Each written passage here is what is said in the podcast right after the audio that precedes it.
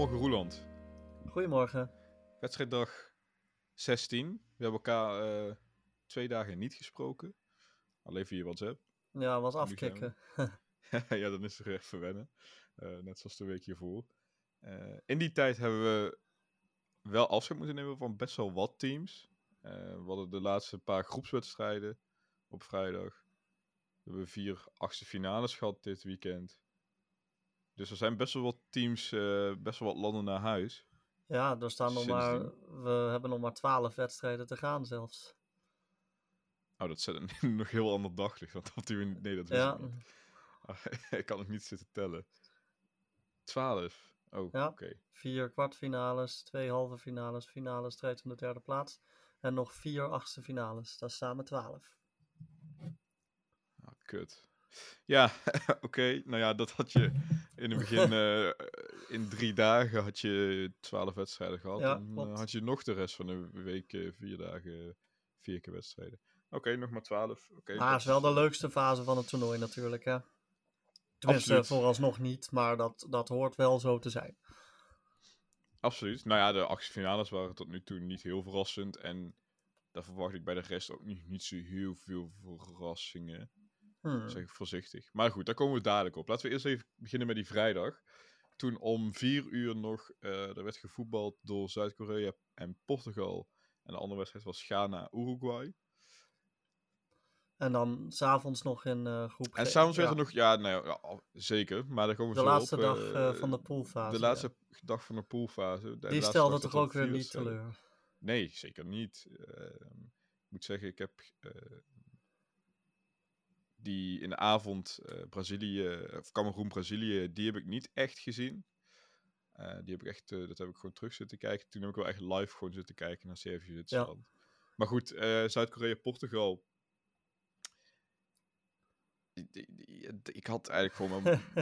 ja, ja, ja. Zuid-Korea. Nou ja, het verbaasde mij net al dat je zei dat je voor de achtste finales geen verrassingen meer verwacht. Ik bedoel, het is, er zijn zoveel dingen gebeurd in de groepsfase. Um, waarvan je denkt van ja, dit is weer één, weer een verrassing. En uh, dat was ook zeker het geval bij die, uh, die wedstrijd tussen Portugal en Zuid-Korea. Met gevoel voor drama um, aan de kant van Zuid-Korea. Want ze wachten wel heel lang voordat ze opeens die, uh, dat doelpunt maken. Ja, het was, de, het was 90 plus 1. Ja. Om, om daar maar iets over te hebben. Natuurlijk stond die wedstrijd al de, op dat moment bijna een... Uh, nou ja, die stond een dik uur op 1-1. nadat Portugal al vroeg die score opent en Kim in de 27e minuut de 1-1 scoort. Volgens mij scoorde hij ook tegen Duitsland vier jaar geleden, die verdediger. Dus die is in laatste groepswedstrijden tegen Europese grootmachten wel een, um, een, uh, een belangrijke zaak om te hebben. Ja. Ja, en ik moet zeggen, uh, dat was de wedstrijd die ik dan op klein scherm aan had staan. Dus ik heb die gewoon op die manier zitten volgen.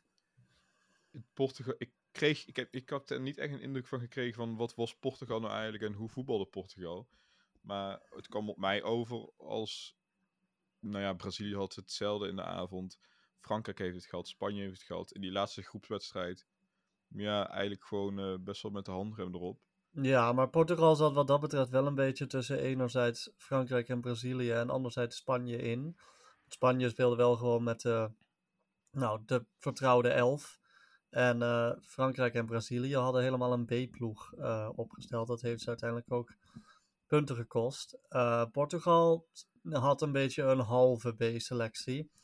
Um, natuurlijk die, die Ricardo Orta die de openingsgoal scoorde, die staat normaal gesproken, is die niet gegarandeerd van een, uh, van een basisplaats. Dus, um, en er waren wat meer spelers die, uh, die waren omgehusseld. Maar Portugal speelde eigenlijk heel goed de eerste, um, in de eerste fase, totdat op een gegeven moment een Zuid-Koreaanse goal afgekeurd werd. Daardoor leek het een beetje aangeslagen vlak daarna scoort Zuid-Korea dan de 1-1. En toen ging het eigenlijk heel gelijk op. Voor de hele wedstrijd kon de goal aan beide kanten vallen. En dan vind ik het wat dat betreft wel loon naar werken. Voor eigenlijk de hele groepsfase waarin Zuid-Korea behoorlijk aardig heeft staan voetballen. Dat zij dan toch die overwinning pakken in de laatste minuut. Ja, en dan is het voor Zuid-Korea hopen dat Ghana in ieder geval niet gelijk speelt of wint van Uruguay. En dat Uruguay met niet al te grote cijfers wint van Ghana. Om precies Ja. te zijn met niet meer dan twee doelpunten verschil. En het leuke daaraan was dat de, de eerste helft bij Ghana-Uruguay heel veel blessuretijd had. Dus dat de wedstrijd tussen Portugal en Zuid-Korea toch een stuk eerder was afgelopen dan die andere wedstrijd. En het was eigenlijk een beetje een gezapige voetbalmiddag tot die Zuid-Koreaanse goal. En toen werden die laatste 10 minuten bij Ghana-Uruguay opeens nog heel enerverend. Ja, daar heb nou ik wel ja. van genoten. Ja, eh, ik, had wel, ik dacht eigenlijk dat je, je, je begint tegelijkertijd aan die laatste groepswedstrijd. Met een reden, zodat je niet een voordeel kunt hebben van elkaar, omdat je de score dan al weet. Dus ik was ook in de overtuiging dat jij zo'n tweede helft altijd tegelijkertijd plus-minus aftrapt. Ja, eh, Jeroen Gruter verkeerde ook in die veronderstelling en ik Ja. daardoor ook. Maar eh, het is, je, er valt ook wel wat voor te zeggen dat je wel eh, de spelers niet helemaal moet laten afkoelen in de rust. Eh, dat is qua blessuregevoeligheid en zo een link idee. Dus ik snap ook ook wel dat je niet 25 minuten pauze gaat houden tussendoor. Nee, dat, dat is, dat, ik snap het ook. Ehm, maar ik zou me nog steeds voor kunnen stellen dat het reglementair gewoon vanuit FIFA is. Ja, maar jullie moeten gewoon tegelijk beginnen en hou jezelf maar warm. Je mag best op het veld gaan staan en een balletje trappen, maar we fluiten pas voor de tweede helft eh, op het moment dat zij ook er klaar voor zijn. Ja, ja maar goed, dat, gebeurt niet en eh, het, het, eh, het heeft weinig consequenties verder hier. Want het is niet dat de een van de ander profiteert. Nou ja, Zuid-Korea profiteert ervan dat Uruguay maar met 0-2 wint. Maar dat hadden ze ook wel gedaan op het moment dat ze niet gelijk gevoetbald hadden. Ja. Ehm, want ga naar Uruguay. ja, dat is wat- de allereerste wedstrijd die ik ooit gezien heb, waarbij ik een ploeg heb zien tijdrekken namens een andere ploeg. Dat was toch wel een vertoning hoor. Ja, ik denk dat Ghana gewoon feest heeft gevierd. Dat ze dat nu naar buiten hebben gebracht. Maar die hebben lekker feest zitten vieren in die uh, kleedkamer. Ja, dat denk ik ook. En fair, fair enough voor ze. Ik bedoel, daar, ik heb de Uruguayaanse media nog ehm, geraadpleegd na afloop van de wedstrijd. En dat tijdrekken van Ghana was wel, moet ik, moet ik ze credits voor geven, was wel iets waar ze niet kinderachtig over deden. Want ze hadden ook zoiets van, ja, we kunnen ook niet beweren dat toen wij van ze wonnen in de kwartfinales in 2010, dat dat helemaal op een vo- volledig sportieve manier gebeurd is.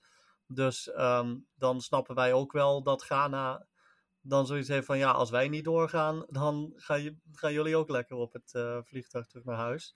Maar daarna, Ghana rekte wel tijd. Maar alsnog kreeg Uruguay gigantische kansen. Want in die, in die laatste 10 minuten, eigenlijk nadat die 2-1 viel bij aan de, eh, in de andere wedstrijd, dat was gewoon geen middenveld meer te bekennen. En ze konden allebei, en vooral Uruguay, zo doorlopen. En op een gegeven moment Ja. lopen ze een, een, eh, een aanval 3 tegen 2, 2 van Ghana. En dat spelen ze zo belachelijk slecht uit. Terwijl als jij ja, de, de rust je daar houdt, dan maak je er echt nog makkelijk 0-3, 0-4 hoor. Ja, maar ja, ze hadden bijna al hun aanvallers eraf ja, gehaald. ja, dat was het vervolg inderdaad. Ja, als jouw bondscoach eh, Alonso zegt van... eh, nou, het komt wel goed jongens, eh, wisselen.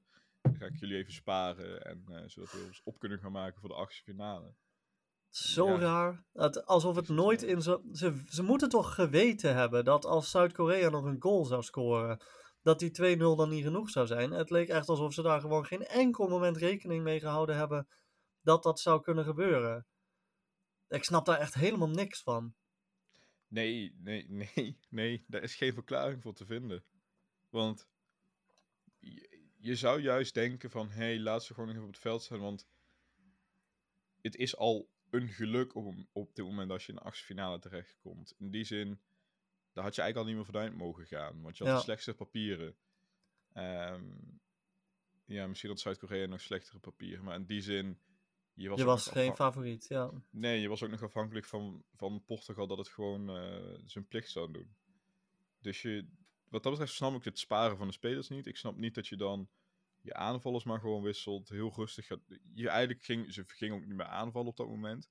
Dat gingen ze pas weer doen op het moment dat ze erachter komen. Dat die was een bank slaapverwekkende tweede helft.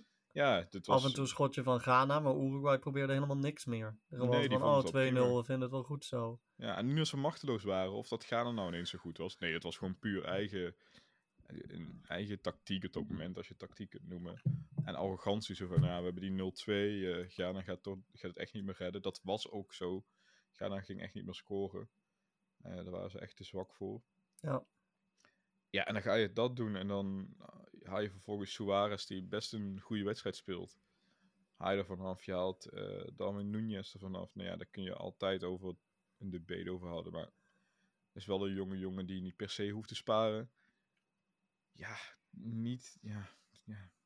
Diego Alonso, de coach van Uruguay, is eigenlijk de reden dat ze op dit toernooi staan. Want um, ja, dat onder, de, onder de veteraan Oscar Tabares ging het vrij slecht in de kwalificatie. En toen hebben ze hem dus na echt iets van 15 jaar of zo weggestuurd. En onder Alonso zijn ze gaan voetballen en hebben ze uiteindelijk nog best comfortabel dit toernooi gehaald. Maar ik vraag me toch af of dit onder Tabares op dezelfde manier was afgelopen uh, voor Uruguay. Sowieso dat ze al geen goals wisten te scoren in die eerste twee wedstrijden. Maar dat hij dan zo, zo onbeholpen omgaat met die voorsprong. En het allergenantste was eigenlijk nog dat Alonso zijn woede volledig op de arbitrage richten. Niet alleen Alonso, ja. uh, ook de Uruguayaanse spelers. We hebben Cavani die VAR-monitor omzien duwen. En um, uh, José Maria Jiménez heeft ook nog officials van de FIFA staan uitkafferen. Nou heb ik in principe geen probleem met officials van de FIFA uitkafferen, maar wel om goede redenen graag. En dat was dit toch zeker niet. Het, er was een totaal gebrek aan zelfreflectie in die interviews achteraf en in de Uruguayaanse media. Het sloeg echt helemaal nergens op. Als ze gewoon waren blijven voetballen zoals ze voor rust gedaan hadden, dan hadden ze in de achtste finales gestaan. En dan hadden wij lekker naar Brazilië-Uruguay kunnen kijken. In plaats van Brazilië-Zuid-Korea had ik ook leuker gevonden. Dus het is echt volledig hun eigen schuld dat het zo is afgelopen. Ja, ik denk dat Jan Groels wel juichend in, de, in zijn uh, Ja, dat lijkt mij ook wel. Dat Want die vindt, dat is natuurlijk het, het, adviesje, het adviesje voor Jan Roels mm -hmm. vandaag, die achtste finale, Zuid-Korea-Brazilië. Maar uh, nee, inderdaad, kijk, als jij gewoon blijft voetballen zoals dat je deed, dan win je hier met 0-4. En dan hoef je ook niet daarna die scheidsrechter de schuld te geven. Want dat snap ik, daar, daar kan ik niet zo goed bij. Want wat gebeurde er die wedstrijd dan, waardoor je zo boos bent op die scheidsrechter? Ja, twee penalty momenten die echt heel 50-50 waren. Eentje was zelfs 70-30 in het, in het voordeel van nee, dit is geen penalty. Maar bij Uruguay vonden ze dat dat echt uh, 100% penalties waren. En um, ja, de met Cavani bijvoorbeeld. Gewoon, ja, daar ging het eigenlijk vooral om. Ja, ja. ja. Als je daar al een penalty voor gaat lopen geven. Ik vond die penalty die Ghana kreeg al heel soft. En, um, ja, dat was het ook. Uh, ik, dan toch nog even over Ghana. Kijk, ze zijn als nummer 61 van de wereld dit toernooi ingegaan. Dat is de laagste ranking van alle teams. Wat dat betreft hebben ze het eigenlijk heel goed gedaan. Vijf goals, drie punten. Um, en daar had ook nog wel meer in gezeten tegen Uruguay. Maar ik zit bijna te denken, misschien moet je ze gewoon geen penalty geven. Want dat mentaal, ze zijn die tik niet meer te boven gekomen. Maar hoe kun je dan, hoe kun je nou beslissen als Ghana zijnde, hey, we krijgen een penalty. Laten we degene die daar nog echt PTSD van heeft, ja. een dik trauma aan heeft overgehouden. Ja, dat is ook raar, ja. You, Want...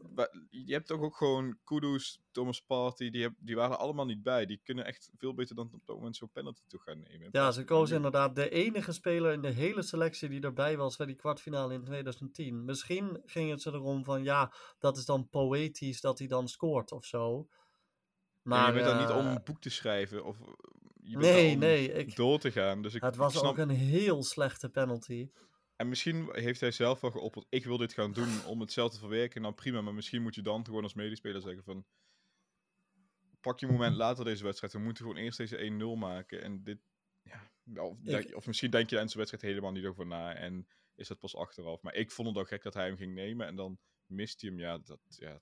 Ik denk toch dat de kans toch zeker wel ergens tussen de 0 en de 1 procent is. Dat als Ghana en Uruguay weer een keer tegen elkaar spelen op een WK en Ghana weer een penalty krijgt, ze hem gewoon ofwel expres missen ofwel weigeren hem te nemen of zo. Want dat, uh, dat, dat was gewoon het omslagpunt. En het is echt niet dat Sergio Rochette nou zo'n goede keeper is. Maar het was gewoon een heel slecht ingeschoten strafschop. En um, ja, daarna ging het helemaal bergaf. Leuk voor Georgian de Arrascaeta, de beste speler uit de Braziliaanse competitie, dat hij de twee goals maakt. Die 2-0 zal ook echt nog wel in de top uh, 20 mooiste doelpunten van dit toernooi belanden. Maar verder heeft Uruguay eigenlijk heel weinig klaargespeeld. En wat dat betreft heb ik er wel vrede mee dat Ghana en Uruguay de twee teams waren die moesten afzwaaien in deze pool. Ik heb er 100% vrede mee en ik kan uh, de tranen van, uh, van Suarez wel drinken. Dat Echt, ik, ja. Want, ja. Die machteloosheid in de ogen. Ja. Ja.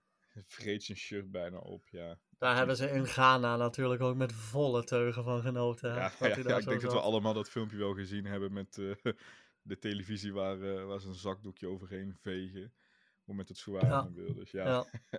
dat, dat, ik kan, ja dat, dat, gevoel kun je volledig voorstellen. Um, om acht uur werd er nog een keer gevoetbald in, die groep, in de groepsfase. En dat was de allerlaatste stint aan wedstrijden. Voor die groepsfase. Cameroen, Brazilië en Servië-Zwitserland. En die laatste die ontaarde, vooral in die tweede helft, in natuurlijk het gevecht. Ja, zoals um, voorspeld. Waar iedereen op wacht en zoals voorspeld. En niet zozeer meer dat voetbalgevecht. Uh, maar vooral onderling en uh, ruzie, opstootjes. Ja, uh, ik, ik, het verbaasde me eigenlijk nog wel dat het zo nog uit de hand liep. Want ik dacht toch dat ik bij Servië op een gegeven moment meer berusting dan agressie zag op het veld. Um, want Servië was in die tweede helft echt compleet machteloos om nog iets aan die achterstand te doen. Maar uh, ja, dan zitten er toch een paar, een paar mannetjes tussen bij Servië die dat dan toch moeilijk te verkroppen vinden. En aan de ene kant vind ik dat begrijpelijk als sporter, maar aan de andere kant voor een speler als Mitrovic, toch wel een heel erg trotse Servische nationalist, die een hekel heeft aan Zwitserland en aan Kosovo en aan Albanië ja, dat, dat bij hem dan op een gegeven moment de, de stoppen even doorslaan, dat kan denk ik dan altijd gebeuren. En dat was toch wel beloofd door mij, dat het een beetje uit de hand zou lopen. dus ik was wel blij dat het ook echt gebeurde. Ja, en het begint eigenlijk iets eerder in die tweede helft. Hè, met dat provo- we hadden op zaterdag de provocerende pressing van Nederland. Maar dit was gewoon provocerend gedrag. Hè, uh, Chaka die dan op, de, op het veld staat, zijn ballen beetpakt en zo'n zo'n gesture doet naar de bank van Servië. Die zie je allemaal met, de, met hesjes en al aan de zijlijn. Hè, alsof ze in een soort leeuw in een kooi zijn. En als die zijlijn er niet was geweest, waren ze er overheen gesprint. Ja, ja mooi Helemaal gezegd. wild. uh, ik, ja, dat is dan... Het was in die eerste helft qua voetbal gewoon echt heel leuk. Want het staat 2-2 in het eerste, einde van die... Uh, van die uh, eerste helft. En het staat vlak na rust al gelijk 2-3 voor Zwitserland. En daarna ontaart dan een beetje in. Schitterende goal trouwens, die 3-2 van Raymond Freuler. Ja, ja, dat is echt waanzinnig. Ja, mag gezegd worden inderdaad, dat die goal schitterend was. En ja, ik, ik vind het niet heel prettig kijken naar Zwitserland.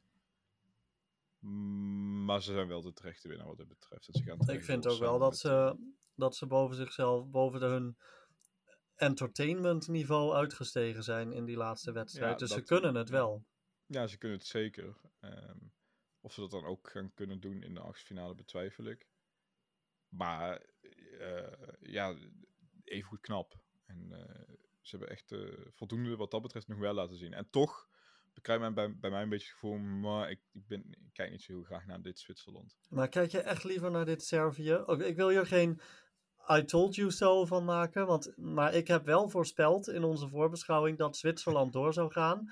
En ik ben ook, net als jij, overtuigd geweest van de klasse in deze Servische selectie. En dat hebben ze ook wel bij Vlagen kunnen laten zien. Maar Servië heeft negen, zeg ik dat goed? Acht tegendoelpunten. Ja, acht tegendoelpunten gekregen. Volgens mij heeft alleen Costa Rica er meer tegen gekregen. Um, ja, het was wel. Ik wist dat het een topzware selectie was. Maar het, ik vond ze verdedigend wel echt heel zwak. Absoluut. En um, uh, dat had ik ook weer niet verwacht. Um, dus, dus ik bedoel, ze zijn ook onder Cameroen geëindigd uiteindelijk. Die het eigenlijk veel beter gedaan hebben dan wij hadden verwacht. Nou, dat is dan een beetje in de geest van dit WK. Maar uh, nou, Servië heeft niet alleen um, ja, ze, ze hebben niet alleen naast de knock-out fase gegrepen. Ze hebben ook gewoon echt volgens mij heel veel mensen teleurgesteld met hoe ze hebben staan voetballen. Nee, en je hebt daar wel gelijk in, maar als neutraal, als je neutraal kijker bent, zeg maar, dat zijn we niet dit WK, maar als je dat zou zijn, en ik kijk dan naar al die andere wedstrijden, dan was het vermaak bij Servië gewoon heel groot, want aanvallend zijn ze zo goed en maken ze echt mooie goals en zijn ze heel scherp. En achterin is het gewoon een gatenkaas. En juist Ja. dat maakt het zo'n leuke wedstrijd. Zeker, ik snap je wel, ik snap wel dat je voetbal. daar liever naar kijkt. Maar je kan toch ook moeilijk. Kwalitatief gezien moet je inderdaad gewoon voor Zwitserland gaan. Ja, Zwitserland verdient het veel meer dan, dan Servië om in de. En misschien zat mijn gevoel er ook nog bij, nu komt Zwitserland uit tegen Portugal. Als Servië door was gegaan, was Servië tegen Portugal uitgekomen. Ja, Dat was omdat daar die geschiedenis nog achter zit van eerder dit jaar met eh, Servië dat eh, Portugal wist te verbannen naar de play-offs voor het WK. Die redden dat Klopt, uiteindelijk. Ja. Eh, was dat ook nog wel een leuk en mooi affiche geweest. Maar als je gaat kijken naar eventuele spanning die je erin wilt houden, dan is het wel beter inderdaad dat eh, Zwitserland tegenover Portugal staat. ja, Zwitserland is een minder spannende ploeg, maar een veel meer gebalanceerde ploeg dan Servië. En ik denk toch dat dat, dat veel, meer, veel doorslaggevender is op zo'n eindtoernooi. Ja, Servië was er 100% vanaf gegaan tegen Portugal. En bij Zwitserland eh, bestaat gewoon een kansje. Ja. Dan hebben we nog Ehm, die andere wedstrijd in groep G, waar ik het er ook nog even over wil hebben. Cameroen, Brazilië. Ja, want dat was in principe voor het toernooiverloop maakte die niet zoveel uit. Maar dat was toch wel om meerdere redenen een historische wedstrijd. Ehm, Brazilië treedt aan met een B-ploeg. Ehm, nou ja, dat had ik op zich wel verwacht. Maar er hebben ook al, ik bedoel, Frankrijk heeft al bewezen op dit toernooi dat als je wil winnen, die laatste wedstrijd, dat dat dan niet per se een goed idee is. Cameroen wint uiteindelijk met 1-0 eh, door een goal in de blessuretijd van Vincent Aboubakar. En eh, dat betekent ook wel dat als Zwitserland er nog één gemaakt had tegen Servië, dan was Brazilië gewoon tweede geworden. Hadden zij tegen Portugal moeten spelen. En dan hadden we Zwitserland-Zuid-Korea gehad als ehm, achtste finale. Ja, zo, zo klein zijn de marges soms. Ik vind dat toch wel een beetje eh, eh, wat beschamende naïviteit aan de kant van, van Tietje. Het is uiteindelijk goed voor ze afgelopen. En voor Cameroen, eh, zij werden de eerste Afrikaanse ploeg die ooit van Brazilië gewonnen heeft op een WK. Het was pas de tweede nederlaag voor Brazilië in de groepsfase van een WK sinds 1966. Nou ja, historischer kan bijna niet. En als Eto'o, eh, hij had voorspeld dat ze wereldkampioen zouden worden. Nou ja, dan zal hij toch zelf ook wel, hij zal het niet toegeven, maar hij zal toch zelf ook wel hebben gedacht van, nou, redelijke kans dat dat niet uitkomt. Hij zal toch hier niet over gaan lopen zeiken, of wel?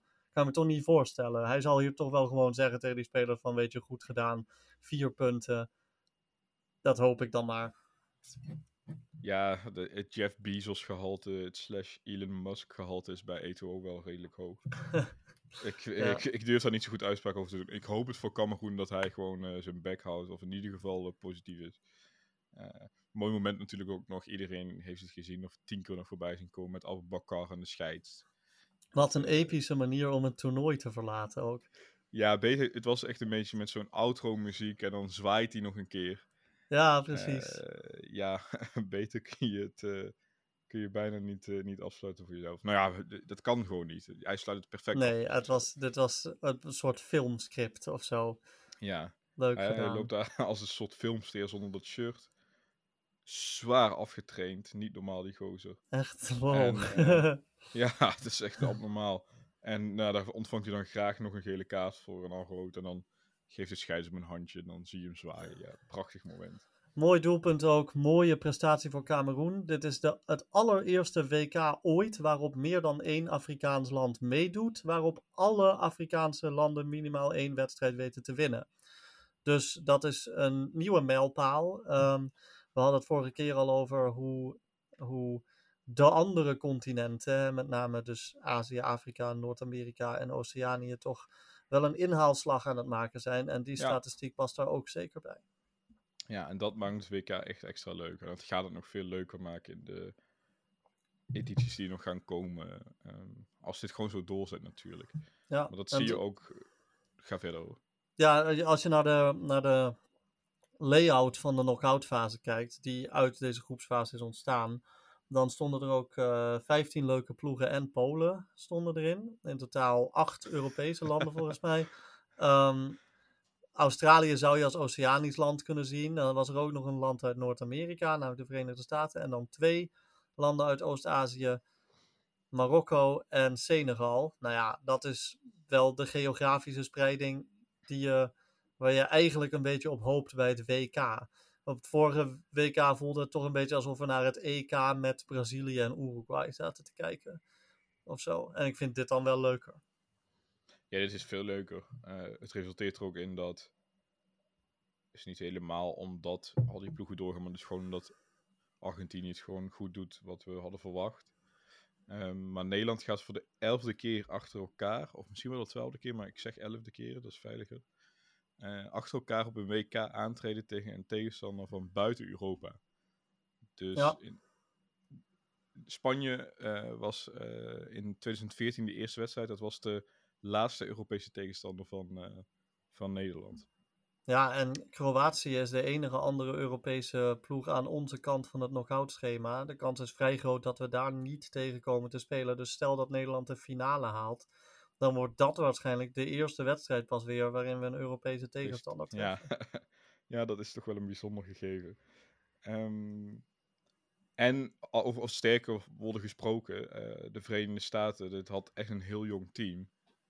Die mogen er voor vier jaar zelf gaan organiseren, dus zijn er hoe dan ook bij. Ik denk dat die dan ook die, als die gewoon dit doorzetten, er komt meer bij qua talent, want het duurt nog gewoon vier jaar. Dus jongens die nu eh 16, 17 daar zijn, zijn dan eh, oud genoeg om ook mee te kunnen doen. Is dit jouw aanzetje om het officieel over die achtste finale te hebben? Ja, ja, dat lijkt me wel. eh, Nederland, Verenigde Staten.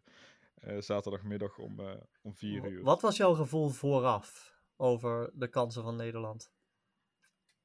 Nou, ik wilde me niet te veel laten leiden door wat alles en iedereen zei in de media, want dat vond ik wel heel erg negatief. En ik had wel zoiets. laat ik, zo, ik had gepoeld, dat geeft een goed beeld, eh 1-0 voor Nederland. Ik had zoiets van, nou, dit kan best een. eh, dit, dit gaat gewoon afwachten worden, zoals het ook weer. de- de- en dan gewoon eh, afwachten totdat de Verenigde Staten foutjes maakt. En daarvan profiteren. Maar wat ik niet had verwacht, is dat de Verenigde Staten zoveel fouten zou maken Nou, waar Nederland zo goed van kon profiteren. Eh, dus daarom had ik zoiets van, nou dat wordt 1-0, misschien 2-0. En eh, dan begint die wedstrijd, krijg je die kans van Pulisic. En toen dacht ik, hmm, gaat, dat dan zo'n wedstrijd worden? Moet ik eerlijk bij bekennen, ik zag die, ik kwam toen net binnengelopen, dus ik ging mijn jas ophangen. Ik ging dat met vrienden kijken. Ik kwam net binnengelopen, dus ik was net wat later. Ik kwam vanuit het werk, dus ik hing mijn jas op. Toen en ik zo, toen dacht ik, oké, wat gebeurt er? Dus kwam ik terug en toen zag ik die herhaling van Pulisic en die redding van, eh van Noppert. Dus ik had, ik, om, om antwoord te geven, definitief antwoord te geven op je vraag. Ik had wel gewoon een overwinning van Nederland verwacht, heel eerlijk gezegd. En jij? Ik had wel het gepoeld dat Nederland zou winnen. Maar ik had daar eigenlijk een heel hard hoofd in van tevoren. Ehm, omdat elke keer dat ik dit toernooi heb gezegd: nee, er wordt een makkie voor Nederland. Oh, kan Nederland makkelijk. Dan eh, bleek het dat zeker niet het geval te zijn in de poolfase. Ehm, dus nu had ik zoiets van: ja, we moeten het wel echt laten zien nu. En ik was daar wel zenuwachtig eh, over. Maar ik, ik was er zeker niet. eh, ik, ik dacht dus wel dat de Verenigde Staten een goede kans maakten, maar toch zeker niet zo erg als ze in de Amerikaanse media allemaal. eh, die waren echt heel verbaasd dat ze uitgeschakeld waren door Nederland. En dan denk ik ook van ja, maar mensen. Je, dat, ik wil niet paternalistisch overkomen, maar volgens mij hebben ze gewoon niet zo heel veel verstand van voetbal in de Verenigde Staten. Want zij zien dan in de poolfase hun ploeg hard rennen.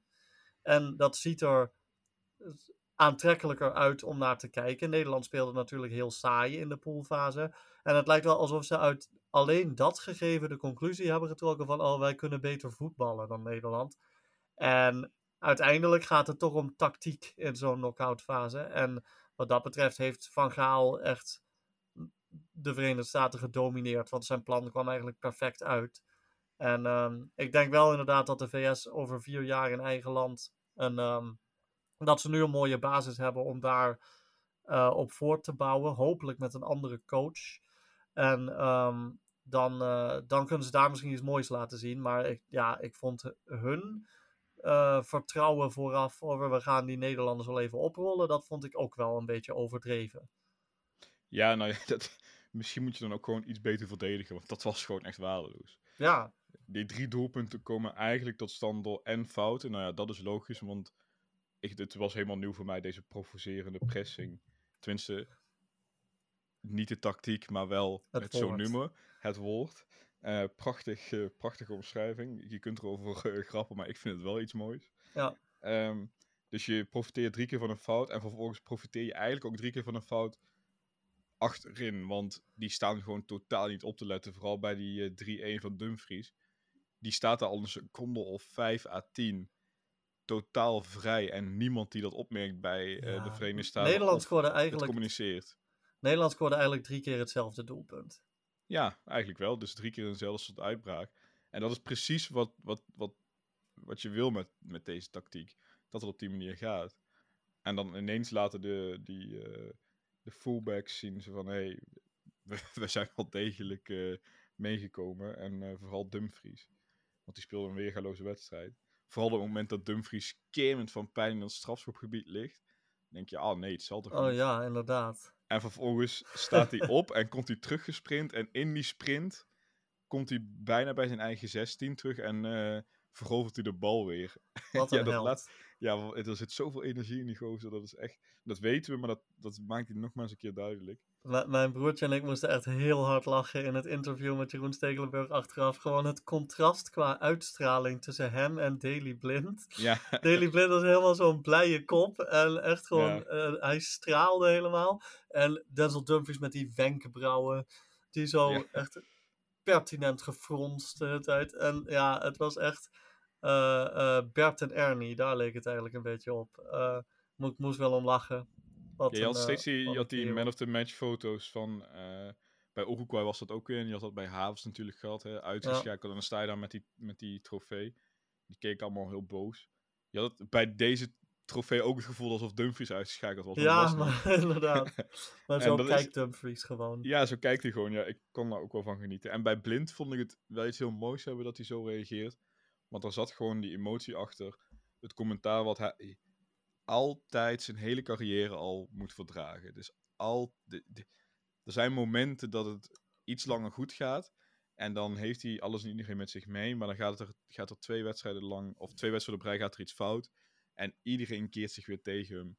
En dan wordt hij uitgejoeld, uitgekaffeld in de media. Ik ga hier niet zitten doen alsof ik nooit heb meegedaan aan kritiek leveren op Daily Blind. Ehm, en ik denk dat er voor wat hij bij Ajax gepresteerd heeft het afgelopen half jaar, dat er ook echt wel een hoop mits en maren bij te plaatsen vallen. Maar hij was naast, na Dumfries de beste man op het veld eh eergisteren. En ik gun het hem ook zeker dat hij dat... eh, dat hij, want ook toen hij eigenlijk, toen hij eigenlijk Pulisic ehm onside speelde, toen dacht ik al van, oh nee, blind, wordt het, zeg alsjeblieft niet dat het weer zo'n wedstrijd wordt. Dus hij heeft het wel een beetje aan zich hangen, dat imago, maar hij heeft het volledig naar zich toe getrokken, doelpunt gescoord, prachtige assist gegeven, ja, dat verdient hij gewoon.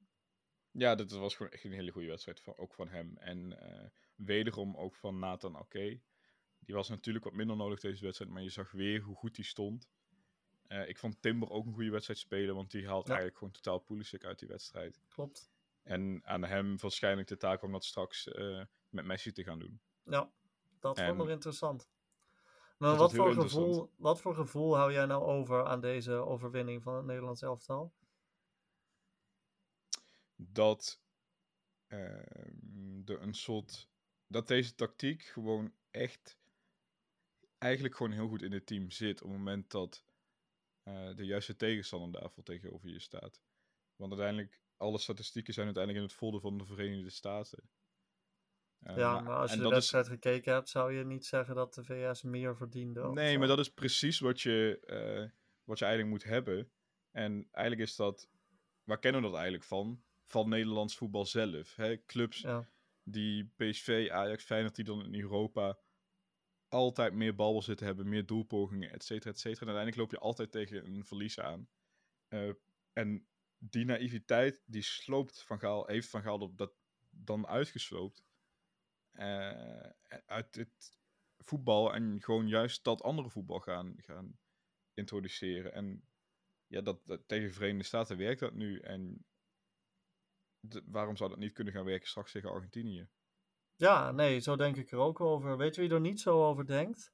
Marco van Basten en Rafael van der Vaart en Pierre Nee, maar die willen nog steeds op de 4-3-3 gaan spelen. En, eh. Oh, ja, jij hebt de nabeschouwing niet gekeken, toch? Nee. Het was echt verschrikkelijk. Het was echt het allerergste voorbeeld van, van oeverloos pessimisme daar aan die tafel. Het ging helemaal nergens over. Echt, Nederland heeft gewoon een prima wedstrijd gespeeld. En ja, oké, er vallen nog steeds dingen op aan te merken. Maar als je Marco van Basten zo hoorde, dan leek het echt alsof, we, alsof hij eh, het idee had dat we onze plek op dit WK gekocht hebben. En eh, er zal ook wel, eh, eh, de Verenigde Staten zullen wel ehm, eh, allemaal een soort griep gehad hebben of zo. Want het is eigenlijk onmogelijk dat je met dit systeem een wedstrijd wint. Of. Dat was een beetje de vibe die er vanaf kwam. Vooral Marco van Basten was echt ontzettend aan het zeuren.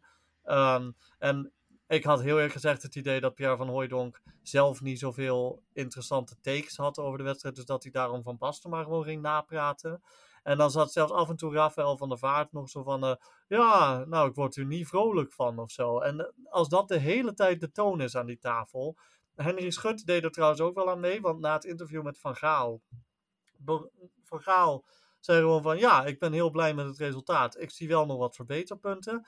En toen zat Henry Schut zo meteen van eh, ja, nou, Van Gaal is eigenlijk niet tevreden. Ik hoe bedoel je Van Gaal is niet tevreden? Hij is niet uitzinnig, maar hij is wel tevreden. Natuurlijk is hij tevreden. Wat is dit voor negatieve kutsfeer aan die tafel? Ik snap niet dat ze denken bij de NOS dat Nederlanders bij een wedstrijd van het Nederlands elftal Pierre van Hooijdonk, Rafael van der Vaart en Marco van Basten als analisten willen. Dat, ik, ik kan me niet voorstellen dat dat zo is, namelijk.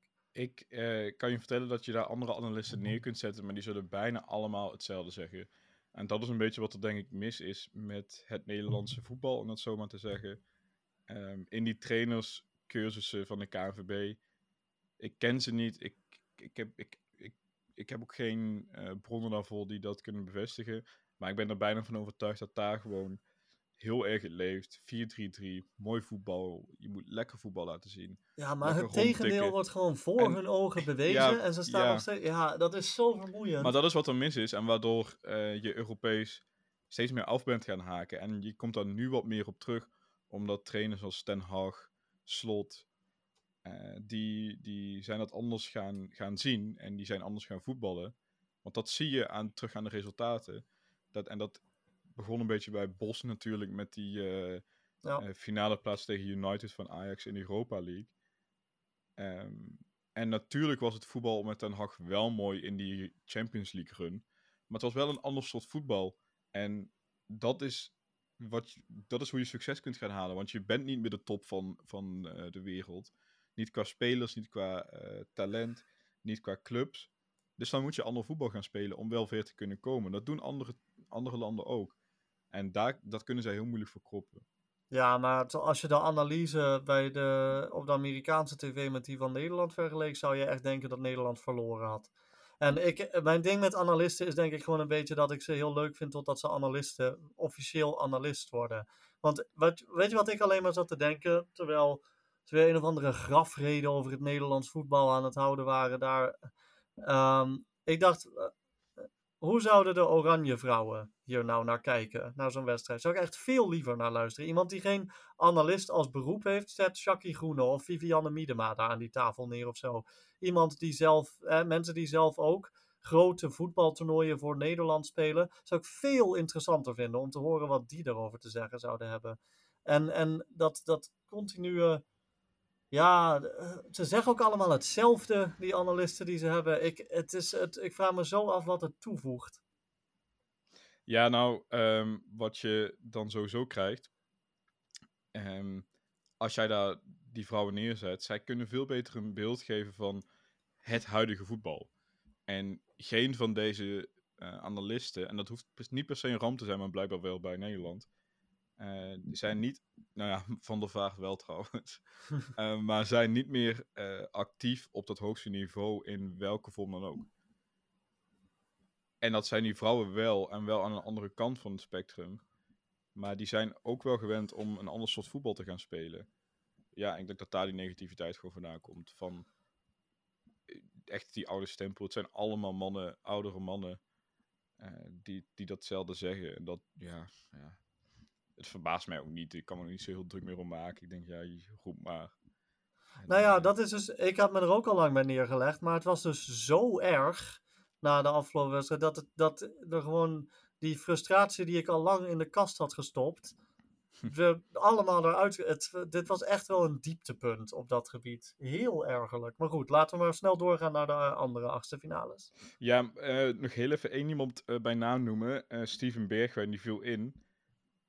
Maar die is, die is gewoon... Ik kan het blijven noemen, maar die is echt gewoon geen schimmer van zichzelf. Nee, dat is raar hè, wat er dit seizoen gebeurt. Want hij begon ook nog wel zo goed. Ja, hij begon goed, maar dat was de eerste vijf, zes wedstrijden. Het waren allemaal zwakke tegenstanders. Daarna werd iets meer duidelijk hoe kun je Bergwijn aanpakken.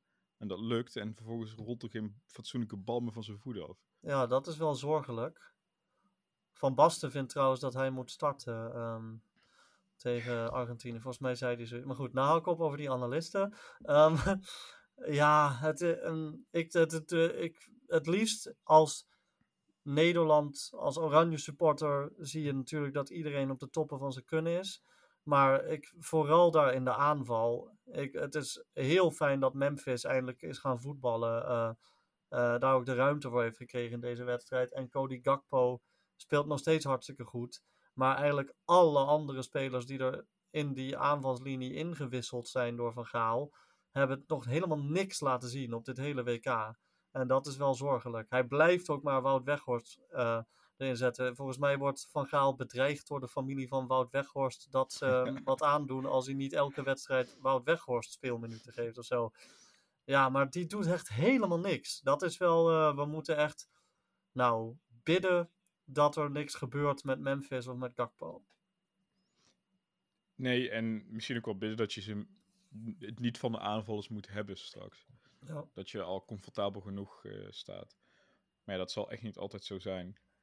Ehm, die volgende wedstrijd is dus komende vrijdagavond tegen de ploeg die uit deze wedstrijd voortkwam. Argentinië-Australië. Dat werd uiteindelijk 2-1.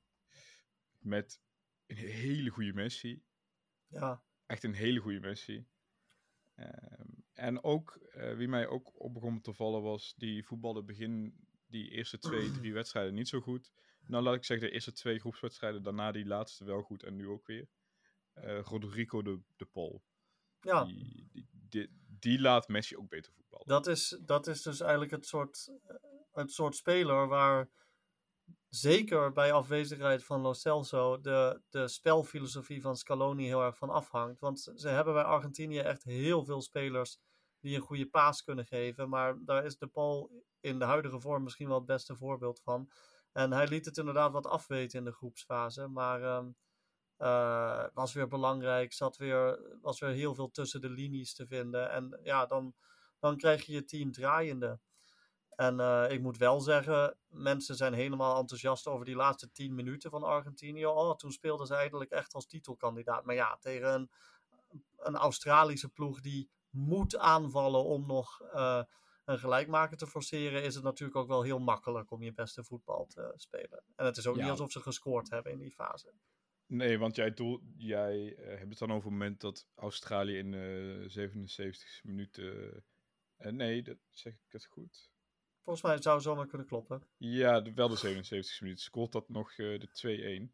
Ja, een eigen doelpunt van eh Fernandes. Ja, en terecht, want die bal veranderde van windrichting. Eh, dus dat was inderdaad wel een eigen doelpunt. En daarna heeft Australië eigenlijk nog, ook nog wel wat kansen gehad. Maar dat was de fase waarin Argentinië echt, ehm, echt de ruimte kreeg om te voetballen. En ik hoorde wel na de wedstrijd allemaal mensen van... Ja, toen hebben we echt kunnen zien wat ze kunnen. En denk van ja, maar dat is op zich ook niet heel goed nieuws. Als je, als je een tegenstander nodig hebt die ja, eigenlijk volle kracht vooruit moet aanvallen. Als, als dat, dat een vereiste is om je ultieme spel te unlocken of zo. Het is nog steeds aan Argentinië om vaker zo te voetballen. Ook als de omstandigheden er minder gunstig voor zijn. Helemaal mee eens. En dat eh, bracht zoveel ruimte. Uiteindelijk profiteren ze daar niet van, omdat eh Lautaro Martinez niet op scherp staat. Ehm, maar goed, wel uiteindelijk gewoon prima en terechte overwinning voor eh, Argentinië. Maar nog steeds niet, voor mij niet overtuigend. Ehm, Nee, niet zoals andere teams dat wel zijn geweest. Nee, en er gaat vrij weinig dreiging uit op dit moment afkloppen. Maar er gaat vrij weinig dreiging uit van andere spelers op dit moment. Je hebt natuurlijk Alvarez, vind, die is echt wel goed. En die zal ook wel weer in de basis starten tegen Nederland. En Fernandes is een hele goede voetballer. Uh, maar de echte dreiging is wel vanuit Messi. Ja. En als je die kunt uit gaan schakelen. En de toevoer daar naartoe, dus ook Rodrigo de Paul. Dan ben je al best een stuk hoor. Ja, ehm, maar om nou te zeggen dat ik er fatalistisch in sta, wat Nederland-Argentinië betreft, ook zeker niet. Ik uh, zou Argentinië wel als de favoriet bestempelen. Nederland heeft zijn beste niveau nog niet gehaald, maar laten we ook niet doen alsof Argentinië de pannen van het dak speelt tot dusver. Dus dat zou nog wel eens, dat, zou, dat heeft wel echt alle ingrediënten om zo'n zo'n slepende vechtwedstrijd te worden, die dan 0-0 eindigt en dan weer penalties wordt of zo. Zoiets. Ja, dat, dat gaat. Dat, dat gaat op een slepende manier inderdaad, daar heb je wel gelijk. En dan is het heel afwachten, eh, heel erg afwachten. Wie is er het scheepst? Um, gaat Nederland dan echt datzelfde voetbal spelen als dat ze tegen de Verenigde Staten speelden? Krijgen ze daar überhaupt de kans voor tegen Argentinië? Want voor hetzelfde geld zegt Argentinië, hier hebben jullie de bal. Gaan jullie het spel maar maken? Ja, dan, dan, dan moet je er anders mee omgaan. Um, of dat Nederland zelf het initiatief niet. Wij pakken de bal wel om uh, Argentinië maar, maar anders te moeten laten voetballen. Ja, dat kan qua tactiek heel veel kanten op. En dat, dat wordt qua beetje Scaloni versus Van Gaal. De jongste coach van het toernooi tegen de oudste coach van tegen het toernooi. Tegen de oudste coach. Ja, dat is, dat is redelijk... Uh, dat, is, vind, dat is best wel een beetje ultiem natuurlijk. Ja. heel erg leuk. Um, maar als je dan nu op zou moeten schrijven, dan hoor ik dat je eigenlijk zegt... Argentinië gaat door. Ja, ik denk wel dat Argentinië uiteindelijk um, over beter materiaal beschikt om de halve finales te halen. Maar het wordt een heel erg krappe overwinning. Heel gelijk opgaande wedstrijd. Dat weet ik eigenlijk vrij zeker. Um, en dan zou het ook zomaar de kant van Oranje op kunnen vallen. En als we van Argentinië kunnen winnen, dan zouden we ook best wereldkampioen kunnen worden. Goed. Ga ik verder niet meer op reageren. Dat ik kan me bij aansluiten of niet. Uh, we moeten gewoon uh, naar gistermiddag gaan. Frankrijk-Polen. Met een voor mij best wel verrassend Polen. Uh, jij zei net, nou ja, 15 teams, leuke teams en Polen. Heb je volkomen gelijk. En uiteindelijk is dat ook zo, want ze hadden helemaal niet, uh, geen, geen hele wedstrijd vol, dat kunnen ze niet. Maar die eerste helft. Ja, ze besloten eindelijk om eens te kijken van, hé, hey, wat, wat gebeurt er eigenlijk als wij zelf die bal naar voren, kijken ja. wat er dan is of zo. het is echt misschien... heel bijzonder dat ze überhaupt de achterfinale gehaald hebben met hoe ze gespeeld hebben. Maar toen speelden ze eigenlijk in de eerste helft best aardig. Ja, en misschien moeten wij oppassen dat we niet gaan zeggen van je moet leuk spelen. Maar, want dan halen onze eigen woorden van net tegen de analisten een beetje onderuit. Maar ze speelden uh, met veel meer, uh, er was veel meer over nagedacht. Dan tegen uh, Argentinië bijvoorbeeld, die met 2-0 verloren ging. Er was meer over nagedacht en dat was prettig om naar te kijken. Sterker nog, de eerste echt grote kans is op de Polen. Uh, dat was eigenlijk uh, vier kansen in één, toch? Uh, met dat blok van Loris, de redding van Loris, het blok van Varaan. dus die krijgen eigenlijk de grootste kansen. Ja, en dan loop je uiteindelijk met pech tegen de 1-0 aan. En die in de, op het einde van de eerste helft tot het doelpunt van Giroud. Die daarmee ja. topscorer alle tijden van Frankrijk wordt. Maar dat niet lang gaat zijn. Nee, nee, nee. Maar uh, ja, sowieso, Polen is ook volledig geknakt daarna. Die hebben, zij hebben kansloos geweest in het vervolg van de wedstrijd. En dan komt als een TGV Kylian Mbappé stoomt een paar keer naar voren. En wat doet hij dan toch mooie dingen met, met de bal, zeg. Ja, dan doet hij hele mooie dingen met de bal. Ik vond het wel grappig dat hij dan... Uh zijn directe tegenstander was dan Cash. Nou ja, mm Mbappé, Cash. Leuke combi, beetje flauw. maar uh, ja, en die, ik, het medelijden met die jongen, want die, ik denk, die heeft zijn benen onder zijn lichaam vandaan moeten rennen. Was niet eens zo sloom. Ja. ja en dan glij je zelfs nog een keer uit, omdat, je, omdat het zo hard gaat.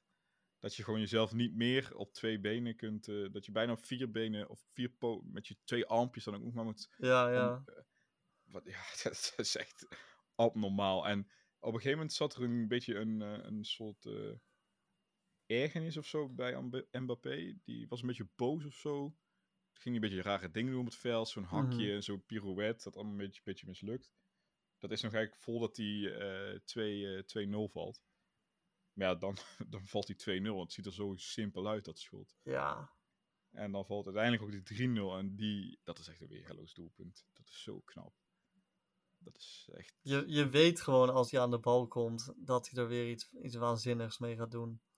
Elke Ja, en het enige wat, wat zijn medespelers moeten doen is gewoon verdedigers meetrekken. Dat doet Giroud heel snel, heel slim Ja. bij die 2-0. Die maakt, die rent zeg maar rechts het strafschopgebied in, eh, diagonaal. Dus dan, trekt hij verdediger mee. Dus dan ontstaat er nog meer ruimte voor de Mbappé. Terwijl hij die ruimte misschien niet eens nodig heeft.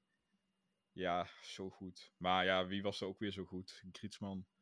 Ja, ja Weer het valt wel weer gewoon helemaal op zijn plek bij eh, Frankrijk. Die eh, Ja. nederlaag van de B-selectie tegen Tunesië heeft op geen enkele manier zijn uitwerking gehad. Op, had ik ook niet. niet verwacht. Maar ja, super leuk om naar te kijken.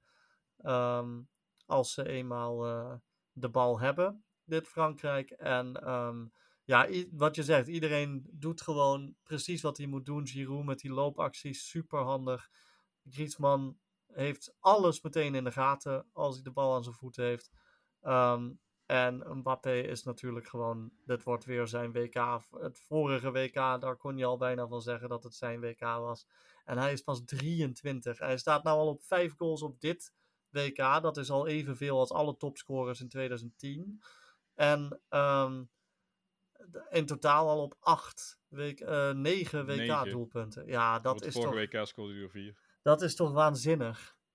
Ja, daar gaan, daar, die gaat, als hij fit blijft, want dat is, qua vorm en zo, dat boeit niet zoveel, want dat houdt hij wel, daar is hij zo goed voor. Eh, dat, je kunt je bij Mbappé een beetje afvragen, dat, bij Messi kun je dat hetzelfde, bestaat daar een vorm voor, of zijn die gewoon altijd zo goed, zeg maar? Ja, Je- ja, bij ja. sommige spelers heb je heel erg, oké, die zijn nu echt in vorm, dus die scoren aan de lopende band, zo'n Haaland bijvoorbeeld. Maar die op een gegeven moment dan weet je, nou dat gaat een paar wedstrijden een beetje stokken en dat is niet erg en dat komt wel weer. Maar je kunt, er is geen, Mbappé. nee, daar kun je geen vorm aan aflezen. En natuurlijk kun je wel, dit heeft veel met te maken met zijn gedrag, hoe hij zich op het veld voelt op dat moment. En dat heeft niets met vorm te maken. Dat gaat puur, zit hij er lekker in, zit hij lekker in zijn vel. En dan, dan maakt het echt, ja, dat, dat, is, dat is geen vorm bij hem. Of zo. Weet ik niet of dat goed is wat ik zeg, of dat klopt wat ik zeg. Ja, nee, ik snap, ik snap precies wat je bedoelt, denk ik. Ehm, ik ben heel benieuwd wat hij nog gaat laten zien op dit eh, WK. Hoeveel heeft Klose er? 16 goals of zo op een WK? Nou ja, Ja, tussen de 16 of oh, 19 of zo. Mbappé is nu 23. Die zal Ja. niet zijn laatste WK zijn. Dus ehm, dat, de- er heeft zich een contender aangemeld voor die titel. Nee, Ehm, want zeg dat, dat Mbappé nog minstens twee WK's in de benen heeft. ja. Ja, doei eh record van Kloze. En maar goed ook, hè, want dat Kloze leuke spits, maar eh, die kun, die, die, dat is niet een spits die je daar zetten. aller tijden is wel een beetje veel eer. voor Ja, dat Miroslav is wel heel veel, ja. En dat is gewoon heel knap en leuk voor die gozer, maar dat is iets te veel eer inderdaad. Eh enige minpuntje, klein minpuntje, echt tot nu toe nog steeds een van mijn favoriete spelers. Chouameni, die kreeg eh, vrij snel een gele kaart. En dat ging een beetje in zijn hoofd zitten, denk ik. Want die voetbalde daarna een echt wel wat mindere wedstrijd. Werd ook gewisseld. Ander minpuntje is dat ik 3-0 had voorspeld. Dat- en dat er dan nog zo'n belachelijke penalty... eh, Ja, het was een beetje een frustrerend einde, einde van de wedstrijd. Maar wel leuk voor Lewandowski natuurlijk. Leuk voor Lewandowski zeker, maar eh, totaal onnodig. En eh, met ook voor het vertrouwen bij Loris misschien wel een klein smetje, want die merkt weer hoe onzeker die is in penalties. Ja, Want dan houdt hij de eerste en denkt hij, oh kijk, kan het wel. En dan zie je ook die grote ogen van hem. Ja, veel te vroeg van de lijn, hij staat er een meter voor. ja dat was wel en, en heel duidelijk. je, ja, en dan, dan gaat het psychologisch, oké, gaat hij dan weer in dezelfde hoek schieten? Nou, dan ga ik er wel naartoe duiken. Nou, dat mislukt. En dus dat kan voor Loris wel in zijn nadeel werken. Wat dat betreft hebben ze geluk dat ze tegen Engeland spelen in de kwartfinales. Als dat op een penaltyreeks uitdraait, maakt het niet uit hoe goed je kan keepen. Dan gaat Engeland natuurlijk niet winnen. Klopt meteen even af. Maar eh, dat zou dan wel een goede confidence boost kunnen zijn voor Loris. Nee, want inderdaad, eh, Engeland-Senegal. ehm, ja, daar kunnen we heel veel woorden aan vuil gaan maken. Maar daar heb ik gewoon niet zo heel veel woorden voor voor deze wedstrijd. Het was 3-0. Ik vond de middelste 30 minuten van de wedstrijd leuk. En de rest was eigenlijk, eigenlijk gewoon niet om aan te zien. Moeten we ook eerlijk over zijn. Ja, in die middelste 30 minuten wordt er dan ook drie keer gescoord door Engeland. Ja. En daarvoor is er niet veel, daarna is er niet veel. Engeland keek eerst in de eerste 30 minuten van, goh, eens kijken wat Senegal gaat doen. En toen dachten ze daarna van, nou, we weten wat ze gaan doen, nu gaan we er even drie inschieten. En daarna hadden ze ook zoiets van, nou, nu geloven we het wel. Senegal is natuurlijk Ja. ook niet zo'n land waarvan het leuk is om het helemaal weg te spelen of zo. Ik bespeurde wel een soort van, het is goed zo, mentaliteit bij, eh, bij de Engelsen. Die Ja, echt wel waarom- meer hadden kunnen scoren, want 5-0 was een betere Zeker. afspiegeling van de absoluut. Maar ze zijn gewoon zo ongelooflijk effectief bij Engeland. Ja, Dat eh, moest Frank Wieland ook een paar keer benoemen. Maar ja, daar kun je niet anders dan bij aansluiten. En het was echt, eh, weer Jude Bellingham die gewoon de hele wedstrijd naar zijn hand zet. Als we het dan Ja. toch over, over nou, jonge wereldspelers hebben, dat is dan toch wel heel indrukwekkend wat die weer laat zien hoor. Zo belangrijk, eigenlijk weer bij alles wat er gebeurde. Ja, bij de 1-0 geeft hij dan de assist. Nou, dat is een hele goede actie. Maar nog indru- indrukwekkender is zijn voorassist eh bij de Ja, 2-0. zeker. Met die run en waar hij eigenlijk drie, vier eh, spelers van zich afschudt. En dan met links die eh, bal geeft op eh Phil Foden. En eh, die zet vervolgens voor en daar daaruit kan Kane scoren. Ja, zo mooi en zo goed. Ik zat ook, ik zei, ik zat ook echt naar die actie van eh Bellingham zo. Oh, oh, nee. nee. En dan inderdaad 19, hè. 19 is die jongen, ja. ja, waanzinnig. Ik vond het wel... Wat was dat nou precies, dat juichen van hem en Henderson? Ja, wat die 1-0. gebeurde? Dat, ik zat er ook naar te kijken van, eh, eh, mis ik hier context bij of zo? Ja, het was wel een beetje een vreemde manier van juichen. Was dat dan. Henderson die zei van... Kijk, dit kunnen we samen gaan bereiken bij Liverpool. Kom alsjeblieft. Dat zou Kies ik wel heel leuk vinden. maar goed. Ja, als je naar of, Engeland eh, moet gaan, dan hoop ik wel echt een beetje op een Liverpool inderdaad. Ja, Want hij gaat naar Engeland. dat gaat zeker gebeuren. En snel ook. Ehm, ja, dat. eh, het, eh, ik ben heel erg stoked voor die kwartfinale tussen Engeland en Frankrijk. En ik ben altijd heel erg fan van de Afrikaanse landen. Ehm, dus ik heb dat dan ook wel nodig. Dat als er eentje best wel afgetekend verliest, dat ik er dan in elk geval een mooie wedstrijd voor terugkrijg. En ehm, eh, voor Engeland en Frankrijk zijn wel twee van de landen die toch wel het meeste indruk hebben gemaakt op dit WK. De meeste indruk. En ehm, ik ben heel benieuwd wat er gaat gebeuren in die onderlinge wedstrijd. Ja, want hoe vaak heeft Engeland intussen ook al gescoord? Twaalf keer volgens mij. Twaalf keer? Ja. ja, dat is eh, echt heel goed. Verdedigen misschien wel te zwak. Ja, nou ja, dat eh, Maguire tegen die, eh, die komt dan tegen Dembele te spelen normaal gesproken. Nou ja, hij werd er al vaak uitgelopen door een vergelijkbare spelopvatting van Senegal. Ehm, dat is wel een, een zorgkindje. En ik denk ook wel dat Frankrijk de, de betere kans heeft. Betere kans heeft om die wedstrijd te winnen hoor. Maar ja, het, eh, ik eh, moet het zien. Ik ben wel blij dat we. Ik vind al die verrassingen leuk. Maar ik ben ook wel blij dat we in elk geval twee zeer hoogstaande kwartfinales op het menu hebben staan. Waar we dan echt, echt waar je naar, naar uit kan kijken. Ja, die staat voor zaterdagavond de planning. Ehm, maar we hebben ook nog best wel wat achterfinales te gaan. Waaronder die van eh, vanmiddag om 4 uur, Japan-Kroatië. Dat is persoonlijk van al die achtste finales, inclusief samen met die van Nederland, mijn favoriet. Want daar kijk ik wel Ja. meest naar uit. Ik ook. Ik vind Kroatië nog steeds heel leuk. Eh, Japan heeft verrast. Dus dat kan echt gewoon een hele leuke wedstrijd worden. Ehm, het kan ook gewoon doorbloeden en dat Kroatië heel degelijk wint. Maar na, na die laatste wedstrijd tegen België verwacht ik dat niet meer zo. Ja, en En- kan toch ook bijna niet. Ik bedoel, we hebben nou acht achtste finales in totaal. Met één toch wel duidelijke favoriet en één underdog. Als je naar reputatie kijkt. En de eerste vier achtste finales zijn eigenlijk allemaal vrij comfortabel de kant van de favoriet opgevallen. Het, maar na de groepsfase die we gehad hebben, kan het toch niet anders dan dat er toch minimaal één stuntploeg in die kwartfinale staat. Dat moet haast wel. Nou, ik vind dat Japan, Marokko en Zwitserland daar de beste papieren voor hebben. Dus wat dat betreft zijn de komende twee dagen het interessantst. Maar ehm, Japan toch misschien eigenlijk wel de beste. En ehm, ja, de vorige keer dat een Aziatisch land in de kwartfinale stond, was op het vorige Aziatische WK in 2002. En dat zou wel poëtisch zijn als dat nou weer gebeurt. Maar ik kan me niet voorstellen dat we Japan tegen Zuid-Korea gaan hebben in de, in bij de laatste acht. nou ja, als het, dat zou prachtig zijn voor het Aziatisch voetbal. En uh, dat zou heel veel betekenen, want dat, dat gaat nog meer losmaken. Ook voor de toekomst. Dat kan zoveel invloed hebben op uh, ontwikkeling van talent, uh, et cetera. Maar dat is een gesprek voor een andere keer. Dus daar kijk ik heel erg naar uit om 4 uur. Uh, om 8 uur speelt vervolgens Brazilië tegen Zuid-Korea.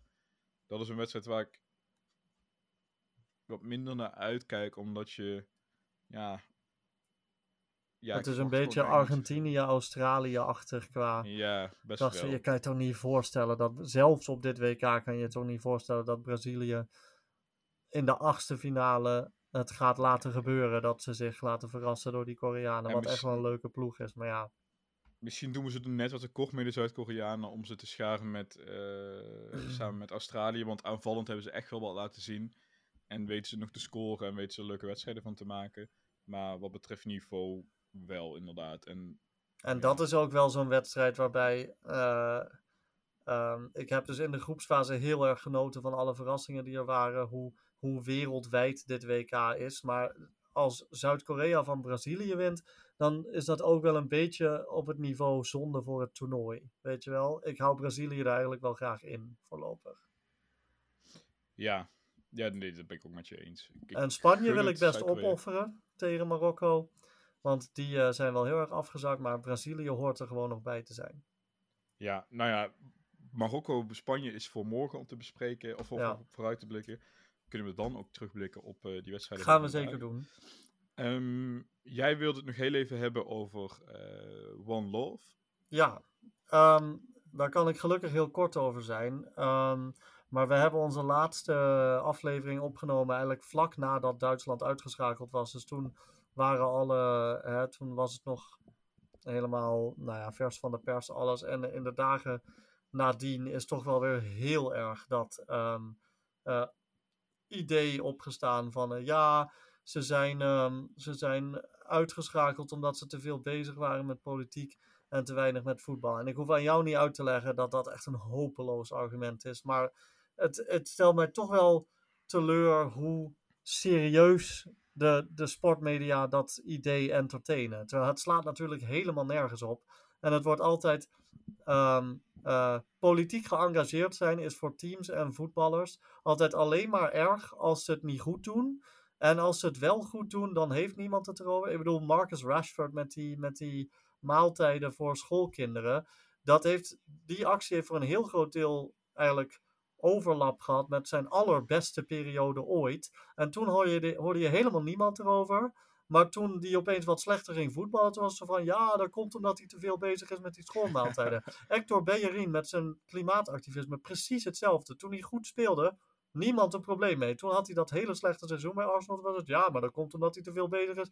Met, het is echt zo, de hele tijd hetzelfde liedje. En het enige wat Duitsland heeft gedaan is vijf seconden lang hun handen voor hun mond houden op een teamfoto. Ja, Engeland knielt elke wedstrijd voor Black Lives Matter. En die staan in de kwartfinales. Daar hoor je dan dus weer helemaal niemand over. Het is zo vermoeiend. Nou ja, ehm, ik wil eigenlijk vooral zeggen, ik, ik vind het elke keer dat de media, en dan heb ik het over de echte, like, nou ja, reputable media, dat die dus serieus dat argument aangrijpen en zeggen van ja, zit er eigenlijk wat in. En dat er dan serieus iemand zegt van uh, ja, nou ja, je kan je wel voorstellen dat het in je hoofd gaat zitten of zo. Ja, dat is zo hopeloos. Dat is echt. En, en uh, die, die. Laten we ook niet vergeten dat Qatar en allemaal niet-westerse landen allemaal contra-protesten uh, hebben, op de been hebben gezet, op poten hebben gezet door die Duitse actie. Nou, die landen liggen er echt bijna allemaal al uit. Dus wat? Uh, zelf een protest initiëren is slecht voor hoe je sportief uh, presteert. Maar een contra-protest organiseren. Want als je dat aankaart, dan zeggen mensen van ja, nee, maar dat kan je niet vergelijken. Hè? Duitsland en Qatar. Dan denk ik van ja, maar jij, jij draagt dit argument aan. Ik word, er, ik word er gewoon helemaal niet goed van. Als mensen hier een meer, uh, nou ja, diepgaande, minder ramble-achtige um, video over willen bekijken, dan raad ik het YouTube-kanaal HITC7's aan. Uh, ga ik toch eventjes mijn favoriete voetbalkanaal uh, op YouTube. Uh, gewoon even schaamteloos reclame voor maken. Want die hebben daar een heel mooie, langere video over gemaakt. En um, dat is, vond ik dus een erg goede. En als je dit een interessant onderwerp vindt, kijk die video vooral. Want de, we moeten hier echt vanaf, van die mentaliteit. Als een Wenger had dat ook gezegd. Hè? Die zei, uh, de teams die zich minst politiek hebben bezighouden, die hebben de beste eerste wedstrijd uh, gespeeld. Ja, maar dat is dus gewoon niet waar. Nee, maar goed.